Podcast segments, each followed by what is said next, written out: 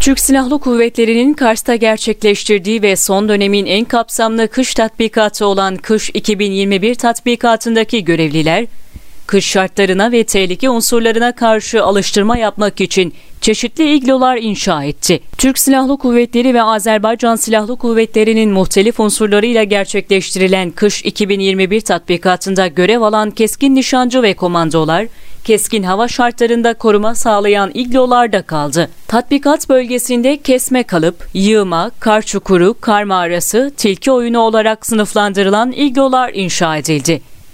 İglolarda geceyi geçiren askerler barınakların dayanıklılık durumunu tespit etti ve gerekli alıştırmayı icra etti. Karevi anlamına da gelen iglolar çetin hava şartlarında üst düzey koruma sağlar.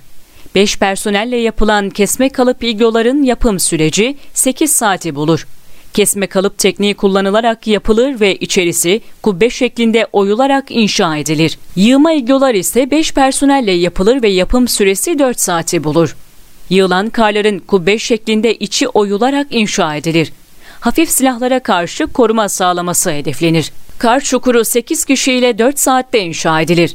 Yığılan karların zemine doğru kazılmasıyla ve yığılan karın daire şeklinde oyulması ile yapılır. İki personel ile inşa edilen tilki oyununun yapımı ise 4 saati bulur. Yığılan karların içi önce tünel şeklinde 1,5 metre oyulur.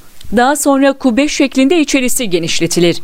Rüzgar altı yamaçlarda kar derinliği 1,5 metre olan yerlerde yapılır. Yığılan karların içi tünel şeklinde oyularak ve sonrasında içerisi kubbe şeklinde oyularak inşa edilen kar mağarası 4 kişiyle 4 saatte yapılır. Bu barınakları içerisinde zemine 20 santim genişliğinde 10 santim derinliğinde karbondioksit kanalı kazılarak biriken karbondioksitin dışarı çıkması sağlanır. Barınakların yapımında kar sulandırılarak donması sağlanır. Böylece kar sertleşerek piyade silahlarına karşı koruma sağlar.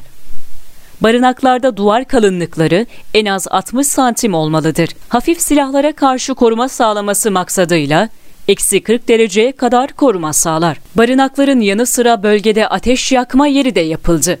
Ateş yakma yeri 12 personel ile 2 saatte inşa edilir. Personel ateş yakma yerinde oturduğunda baş hizasına kadar kar kütlesi olmalıdır.